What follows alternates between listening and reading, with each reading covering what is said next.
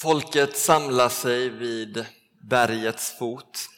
De eh, blickar upp med lite spänd förväntan mot bergets topp som är höljd i dimma.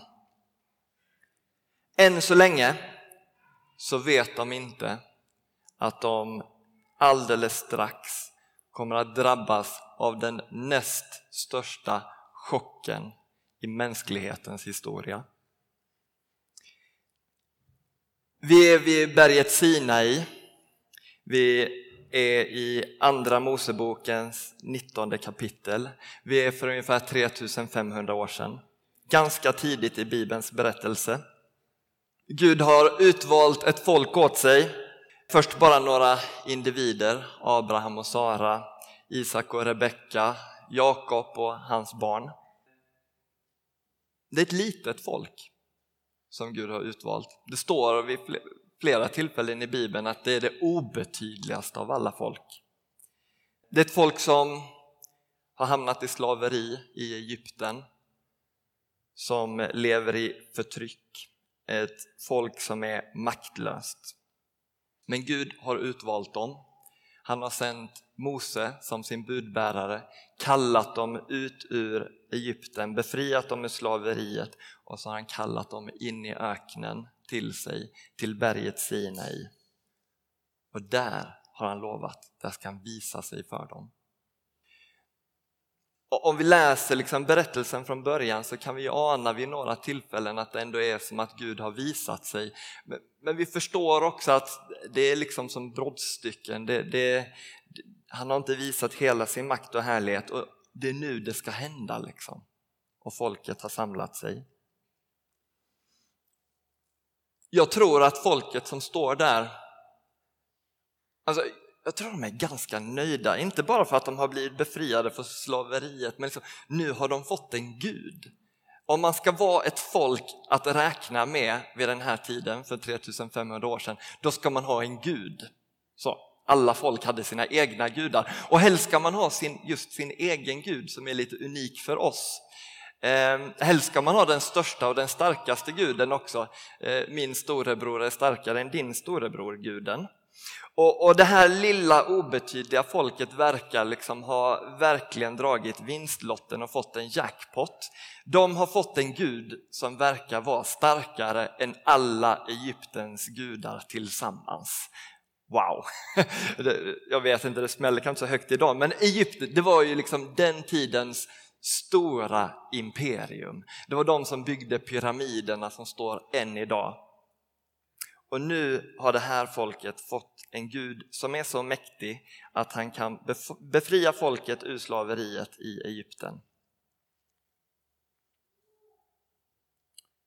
Och så står de alltså där vid foten av berget och Gud ska visa sig. Och spänningen är nog på topp. Ehm, och nu ska vi läsa tillsammans. Det blir ett ganska långt stycke. Jag ska ta er med till i princip hela kapitel 19 och så gör vi ett litet hopp och läser lite i kapitel 20 också. Eh, texten kommer upp på skärmen och förhoppningsvis tillräckligt stor text så att ni kan läsa och hänga med. Israel slog läger framför berget. Mose gick upp till Gud och Herren talade till honom från berget. Så ska du säga till Jakobs släkt och förkunna för Israels folk. Ni har sett vad jag gjorde med egyptierna och hur jag burit er på örnvingar och fört er hit till mig. Om ni nu lyssnar till mig och håller mitt förbund ska ni vara min dyrbara egendom framför alla andra folk, ty hela jorden är min. Och ni ska vara ett rike av präster och ett heligt folk som tillhör mig. Detta är vad du ska säga till Israels folk.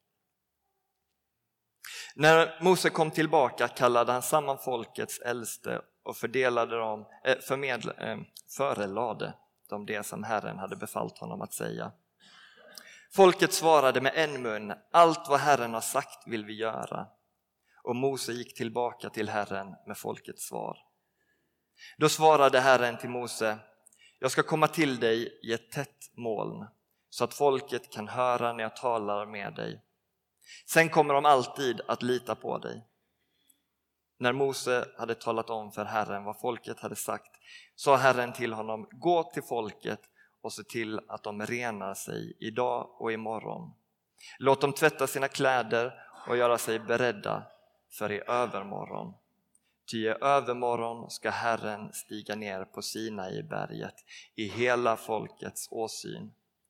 Du ska dra en gräns runt omkring berget och varna folket för att gå upp på berget eller komma för nära dess fot. Den som rör vid berget ska straffas med döden. Men ingen hand får vidröra honom, han ska stenas eller skjutas. Ingen sådan får leva, vare sig det är ett djur eller en människa. När värdurshornet ljuder ska de gå upp på berget. Mose gick ner från berget till folket och lät dem rena sig och de tvättade sina kläder och han sa till dem Håll er beredda för i övermorgon. Kom inte nära någon kvinna. När det blev morgon den tredje dagen började åska och blixtra. Ett tungt moln låg över berget och det hördes en stark hornstöt. Alla som var i lägret blev förfärade. Då förde Mose folket ut ur lägret att möta Gud. De ställde sig nedanför berget, hela Sinai-berget omgavs av rök då Herren steg ner på berget i eld. Röken steg upp som från en smältugn och hela berget skalv. Medan hornen göd allt starkare talade Mose och Gud svarade honom med ljudlig röst. När Herren hade stigit ner på toppen av Sinai-berget kallade han till sig Mose och Mose gick dit upp. Herren sa till honom, gå ner och varna folket så att de inte tränger sig fram för att se Herren, ty då kommer många av dem att mista livet. Även prästerna som annars får närma sig Herren måste rena sig så att Herren inte slår dem med sin vrede. Mose svarade Herren, folket kan inte gå upp på Sinai-berget eftersom du själv har varnat oss och befallt mig att dra en gräns runt berget och förklara det för heligt. Herren sa, gå nu ner och kom sedan upp igen tillsammans med Aron. Men prästerna och folket får inte tränga sig fram för att komma upp till Herren, då kan han slå dem med sin vrede. Vi hoppar en bit, Mose går, upp, går ner och berättar vad Gud har befallt dem, han delger dem de tio Guds bud. Men vi hoppar fram till vers 18. När folket blev vittne till åskan och flammorna, till hornstötarna och röken från berget, då darrade de av fruktan och höll sig på avstånd. Och de sa till Mose, tala till oss du så ska vi lyda, men Gud får inte tala till oss, då kommer vi att dö. Mose svarade, var inte rädda, det är för att sätta er på prov som Gud har kommit och för att ni alltid ska frukta honom och inte synda. Och folket stod på avstånd medan Mose gick upp mot töcknet där Gud var.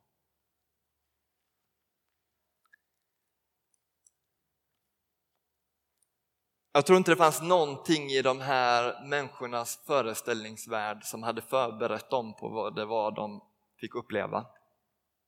De hade trott att de skulle få möta en Gud som var som de andra folkens gudar. Eh, en Gud som var lite sådär lagom stor. Någon Gud som man kunde snida en staty av och ställa in i ett tempel och tillbe lite när det passade en. Någon Gud som man kan manipulera lite med offer och kanske muta till att tycka bra om en. Och så kommer de till Sinai och får möta den där guden som har blivit deras gud. Och så möter de en gud som är något helt annat, som övergår allt vad de hade kunnat ana. En gud som när han kommer ner på berget och smälter berget. Eh, en Gud som liksom döljs i moln och åska. Det är trumpetframfarer som går före och förkunnar hans närhet. Om vi skulle läst vidare kan vi liksom se beskrivningar sen av liksom när Guds tron har liksom landat på berget. Då förvandlas hela berget till safir och liksom som ett hav speglar himlen. Det är den guden som de helt plötsligt får möta. En gud som säger ni ska vara mitt dyrbara folk men det är inte bara ni som är mitt folk, hela jorden är min. Det är himmelens och jordens skapare som har utvalt det här lilla ynkliga folket. Världshistoriens näst största chock. Jag vet inte hur du och jag, jag har ingen, det är liksom omöjligt att föreställa sig, hur hade man själv reagerat om man hade varit där och varit med om det? Det är intressant när man läser om hur det här folket reagerar. Först blir de ju livrädda. Eh, Gud varnar dem en andra gång för att kliva upp och det är nästan som att Moses säger du, Gud, chilla lite, det räcker. Så här, de har fattat, de kommer inte gå upp, liksom. du behöver inte oroa dig, de kommer hålla sig på avstånd. Och när Mose väl kommer ner då är de tydliga, Mose, du får prata med Gud, vi håller oss på behörigt avstånd, det här kan bli farligt. Liksom. Om man läser vidare i berättelsen, och jag ska inte göra det för ni har redan fått höra mig läsa tillräckligt mycket här nu, men om man läser vidare i berättelsen så är det spännande. Mose går upp på berget igen och är borta ganska länge nu, andra gången. Han är borta 40 dagar och får lag, eh, många lagtexter som han sen liksom ska ner och berätta för folket. Han får de här kända budtavlorna och så vidare. Och folket blir kvar där nere vid bergets fot i lägret och börjar fundera på så här, vart tog den där Mose vägen? Han har varit borta ganska länge nu. Och jag vet inte, men har, har man varit med om en sån här otrolig upplevelse som de har varit, då tänker jag så här, i det sammanhanget så är 40 dagar nog inte så jättelänge. Man liksom kan tolerera och vänta lite. Men det kan inte folket. Och de går till Moses bror Aron och så säger de Aron, gjut en gud åt oss som vi kan tillbe.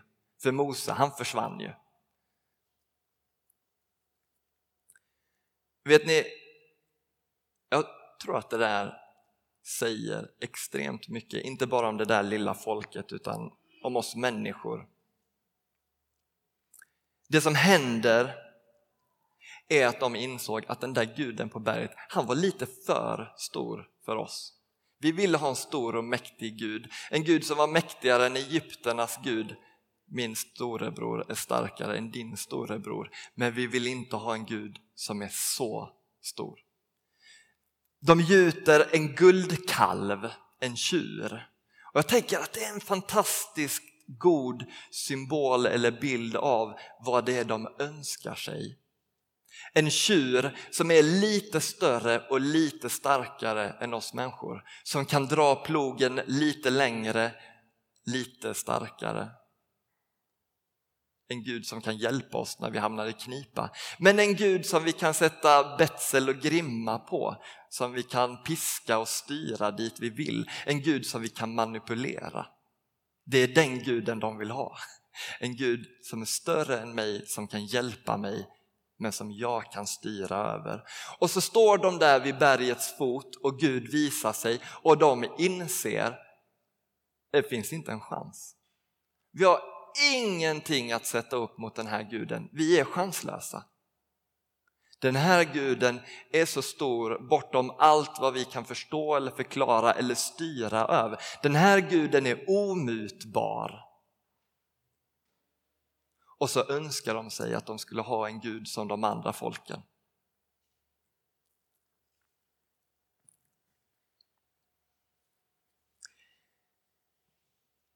Vi är inne i ett tema som handlar om rädsla. Och temat jag har fått att tala om idag är att vara rädd för Gud, rädsla för Gud. När man lä- jag vet inte hur du reagerar, men när man läser en sån här text så kan man ju bli rädd för Gud. Det var det folket blev, de blev livrädda för Gud ehm, och ville helst fly så långt bort som möjligt. Och eh, nu tar jag ut den här texten för den, den är väl det tydligaste exemplet och liksom den tydligaste upp, gudsuppenbarelsen i, i, i Bibeln på det sättet. Men egentligen är ju, om man läser Bibeln, så är den full av texter som talar om rädsla för Gud. Som talar om det som någonting positivt. Guds fruktan. Vi ska frukta Gud. Vi ska lyda honom. Det är så eh, Mose, eh, och det är nästan lite paradoxalt för oss idag, men det är så Mose avslutar den här texten också. Eh, vi kanske kan ta fram det igen, sista bilden. Det är för att sätta er på prov som Gud har kommit, för att ni alltid ska frukta honom och inte synda. Men då har han redan innan sagt, var inte rädda. Var inte rädda men frukta Gud. Det är intressant va? Det är inte konstigt om man själv inte får ihop det och jag känner att jag inte riktigt får ihop det.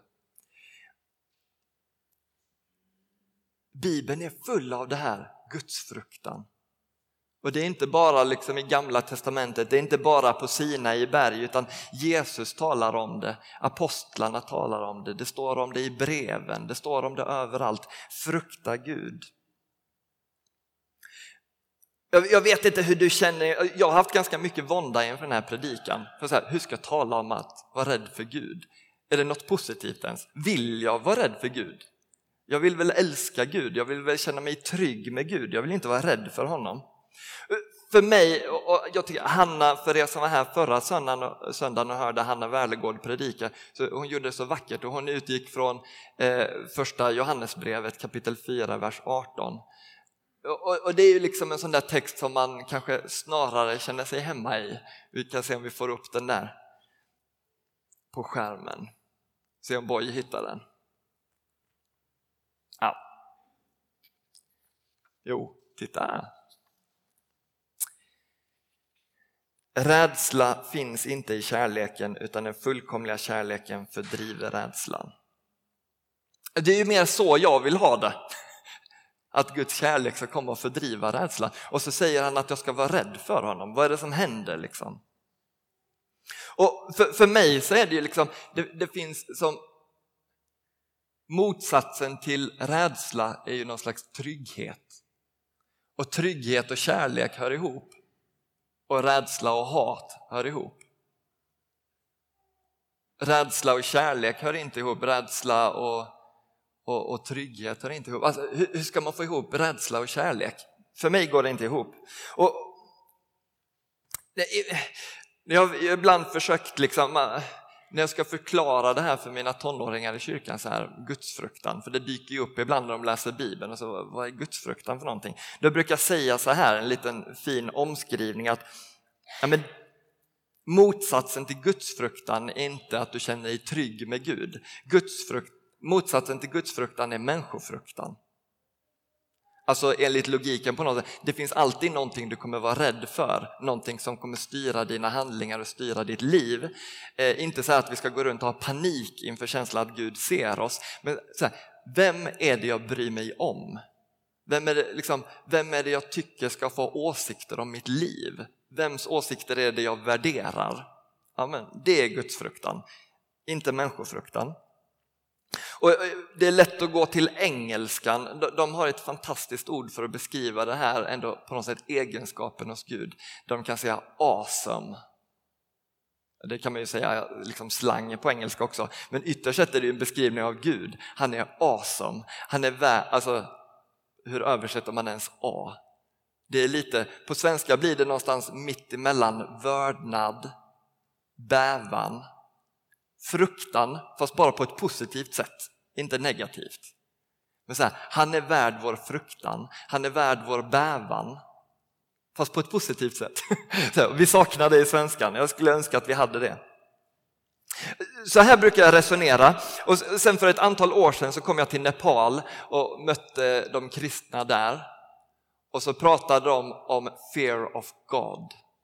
Och så insåg jag till min stora chock efter ett tag att de menade inte alls något sånt där fin omskrivning som jag menade. De menade inte alls motsats till människofruktan utan de menade att de var rädda för Gud. Så. Och de hade inget problem med det. De hade inget problem med att vara rädda för Gud och samtidigt förstå att Gud älskade dem. Jag vet, någonstans vet jag fortfarande inte riktigt vem det är fel på, om det var dem det var fel på eller om det är mig det är fel på. Så, jag, liksom så, jag har fortfarande svårt att få ihop det i mitt liv. Hur kan rädsla och kärlek gå ihop? Det kan inte det, eller? Ska man vara rädd för Gud? På vilket sätt? När min, eh, det, det är någonting som har hänt i våra kyrkor. De 30 åren det tog från det att jag växte upp i frikyrkan, eller från det att min pappa växte upp i frikyrkan och sen 30 år senare när jag växte upp i frikyrkan. När min pappa återberättar sin eh, barndom och, och liksom vilken gudsbild han fick med sig, då var det mycket gudsfruktan. Och Det kanske egentligen borde ha varit något positivt i det, men han återberättar inte det som något positivt. Han eh, återberättar hur han på kvällarna låg i sin säng och om papp, hans pappa hade varit sen hem från jobbet så tänkte han, det är nu det har hänt. Det är nu Jesus har kommit. Och att min pappa blev upphämtad till Jesus, det vet jag ju, men jag blev kvar. Och så levde han med en rädsla över att inte räcka till, att inte duga, av att Jesus var någon läskig som skulle komma och göra honom illa. När han blev äldre och började fundera över vad vill Gud med mitt liv? Då fick han, jag säger inte att det är någon som sa det rakt ut till honom, men han fick liksom känslan förmedlad till sig att om du absolut inte vill bli missionär i Afrika, då är det med 100% säkerhet det som Gud kommer kalla dig till att bli. Gud vill alltid någonting med ditt liv som du inte vill. Du måste ge upp allt, det kommer kosta dig allt, det kommer vara otroligt smärtsamt. Det var mycket gudsfruktan kan man säga, kanske lite väl mycket. I min uppväxt 30 år senare, då kan man säga att det inte fanns så mycket kvar av det, kanske för att min pappa hade bestämt sig för att inte förmedla det vidare. Och alla hans jämnåriga kompisar som var föräldrar till mina jämnåriga, de hade också bestämt sig för att vi ska inte ge det här vidare. Så när jag växte upp och gick i söndagsskolan, och det är nog ungefär samma sak idag, då var det väldigt mycket om att Jesus är min bästa vän och Jesus älskar oss och vi kan hålla händerna och sjunga och vara glada tillsammans. Eh, mycket myspys, liksom nallebjörns gos. Det var mycket första Johannesbrevet kapitel 4 där med kärleken som fördriver all vår rädsla. Jag vet inte exakt när under de där 30 åren det här skiftet hände. Några av er som är mittemellan mig och min pappa i ålder kanske får avgöra det, liksom, vilken bild ni känner igen er mest i. Men någonstans däremellan så blev det något annat.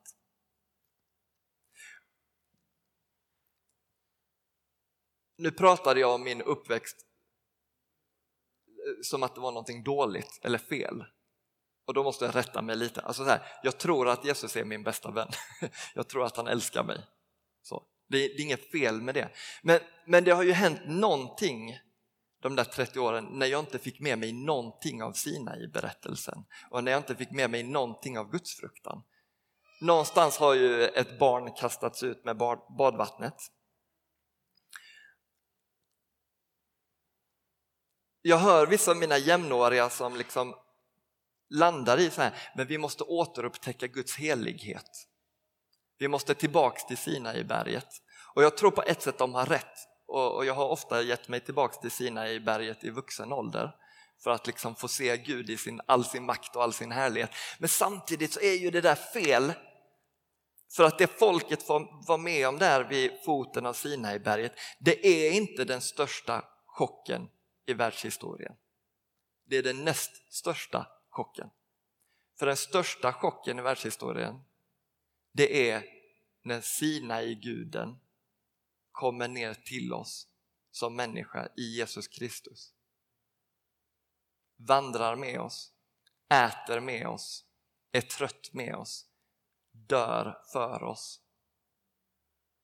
Och Bibeln är ju otroligt tydlig att om du vill se vem Gud verkligen är, då är det inte Sina i berättelsen du ska läsa, utan då är det berättelsen om korset. Det är där Gud verkligen visar sin helighet. Så, så på ett sätt så tycker jag det liksom är fel, Åh, vi har tappat bort Guds helighet. Nej, när man säger det räcker att gå till korset så för att förstå Guds helighet. Men någonstans så blir det så här, jag kommer från en liksom, generation där vi måste läsa berättelsen baklänges. Där vi börjar i korset och sen ska vi försöka återupptäcka Sinai. Och det blir ganska stökigt. Ehm, alltså poängen är så här, min barndoms Jesus som var sådär mysig pys och min bästa vän, det var ju en fin Gud som fick mig att känna mig trygg. Men det var ju en ganska liten och futtig Gud. Man kan undra egentligen så här, vad var det som var så märkvärdigt med den guden som var min bästa vän? Jag har andra bästa vänner också, de är ganska trevliga så på det hela taget. Men vad kan de göra åt hela världen? Vad kan de göra åt problemen som jag möter i mitt liv? Jag tror ju att det ligger liksom någonting i att Bibeln är berättad i den ordningen som den är, där Sinai-berget kommer först och korset kommer sen. För det som är så stort i berättelsen med korset, med Jesus, är ju just att det är guden som kom ner på Sinai. Det är den guden som får berget smälta. Det är den guden som kommer till oss, Jesus Kristus, och som dör för oss. Den guden som har skapat hela universum, som är helt omutbar, som är så stor att han är skräckinjagande. Som är så stark att vi vill in, han är för stark, vi vill ha en annan gud. Nej, det är den guden som kommer till oss i Jesus Kristus.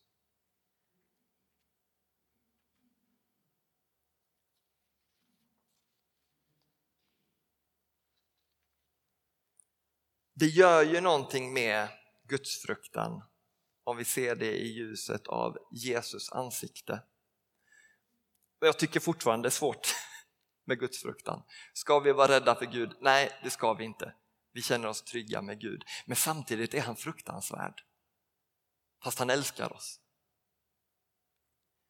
Och, och Det är faktiskt så i den här predikan att, att jag, jag ska bara landa med att skicka med er en bild som jag har... Eh, ja, jag kände att Gud manade mig till att dela den här bilden och det är som alltid med bilder. De har sina begränsningar och speciellt när det är bilder om vem Gud är. Men, men ni får se det som mitt, mitt personliga bidrag. Så här ser jag på Gud och så här ser jag på Guds fruktan. Jag och min son Aron satt för ett tag sedan och tittade på ett naturprogram. Han eh, älskar att titta på TV och det säger han gärna. Jag älskar att titta på TV. Det är ofta det första han säger på morgonen när han vaknar och sen upprepar han det några gånger per dag att jag vill se på TV och om man säger nej så har man en konflikt. Eh, och, och, och, han vill helst se på så här, eh, jag vet inte, barnprogram med drakar och ninjor och jag försöker avstyra det där så gott det går. Eh, och ett sätt är ju att titta på naturprogram med honom. jag försöker, då får jag med mig någonting. Så här om veckan satt vi och tittade på ett program som handlade om tigrar i Indien och vi fick följa en tigermamma. Hon eh, hon var en eh, god mamma som hade eh, ovanligt, de får ju lite olika många ungar. Den här mamman hade fått väldigt många tigerungar. Och hon hade hittat en bra grotta som han hade utsett liksom, där hon skulle föda sina ungar. Och, och sen förstod jag då den här berättelsen att det var ett litet dilemma. Mamman är hungrig och måste gå och jaga. Samtidigt så är ungarna extremt sårbara och hon vill inte lämna dem. Så hon stannar så länge hon orkar tills hon är verkligen vrålhungrig. Då måste hon fatta ett beslut, nu går jag och jagar och lämnar ungarna. Och så får jag hoppas på det bästa. Kommer det något annat rovdjur, då är de körda. Mamman beger sig iväg och jagar. Under tiden så har de här små busiga tigerungarna, vad hittar de på då? Jo, då hittar de på hyss och så smiter de ut ur grottan och börjar springa runt och busa på liksom gräslänten där utanför och leker och stojar och, som att ingenting var fara och färde. Samtidigt så går det en björn i närheten och börjar få upp vittringen. Tigermamman kommer tillbaks mätt men inser att nu är katastrofen nära. Det var riktigt nära att den här björnen fick tag på mina ungar. Och Den här tigermamman är så erfaren så hon har ett antal andra grottor i närheten som hon redan i förväg har sett ut. Och då vet hon att nu måste vi byta plats till ett, en annan grotta som så att säga inte är avslöjad. Då tar hon, vi kan börja med bilden Boy istället för texten. Då tar hon, det var inte just den här tigermamman men den hittade jag på nätet. Då tar hon sina ungar en efter en i nacken och så bär hon dem från den ena grottan till den andra. Bilden i övrigt kan ni släppa, men den här bilden, det är Guds fruktan för mig.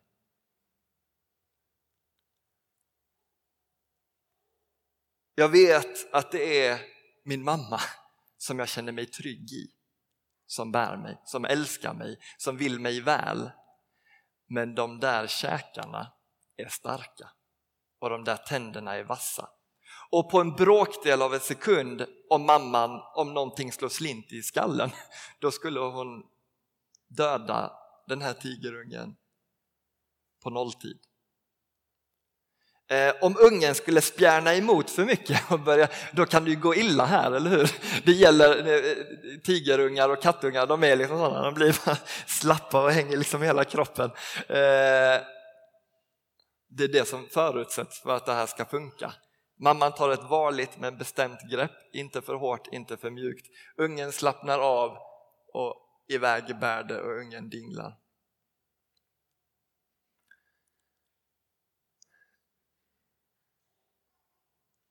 För ungen kan det nog kännas ganska onödigt, nästan meningslöst. Vad ska hon släpa iväg med mig? Vi har ju det så bra i grottan. Mamman vet att vi kan inte fortsätta vara kvar i grottan, vi måste flytta på oss. Och ungen får följa med. Jag, jag ska avsluta med, eh, det här är bara ett kort, kort bibelord, men det är bara för att liksom visa vart jag får den här bilden ifrån. Nu kommer vi gå till apostlagärningarna och det är vår käre Paulus som beskriver sin egen omvändelse när han blev troende på Jesus Kristus. I eh, när han återberättar i Apostlagärningarna 26, så kom, vers 14, så kommer det så här bara, jag tycker det är så vackert uttryckt. Då säger han att så här kom en röst till mig. Han säger i andra sammanhang, men jag har klippt ut det här från sitt sammanhang. Det är Jesus som talar till honom. Då skrev han så här, vi föll alla till marken och jag hörde en röst som sa till mig på hebreiska, Saul, Saul, varför förföljer du mig? Det går dig illa om du spjärnar emot. Det går dig illa om du spjärnar emot. Ser ni tigermamman som har tagit sitt grepp om Saul? Håller honom i nacken och säger det går dig inte väl om du stannar här och nu har jag dig i mitt grepp och nu går det dig inte väl om du spjärnar emot. Slappna av och följ med på färden. För vi är på väg till någonting som är bättre vill ni be tillsammans med mig? Ja, Jesus, tack för att du älskar oss. Tack för att du är värd vår fruktan, vår bävan, all vår beundran. Och Jesus, hjälp oss att få ihop det i våra liv. Att få leva i en fruktan som inte paralyserar utan som får oss att hålla oss hårt i dig, att få oss att längta efter att få följa med på färden dit du leder oss. Tack för att du vill oss väl. Och vi ber för var och en av oss här inne att vi skulle få känna din makt och din kärlek i våra liv och genom våra liv. Amen.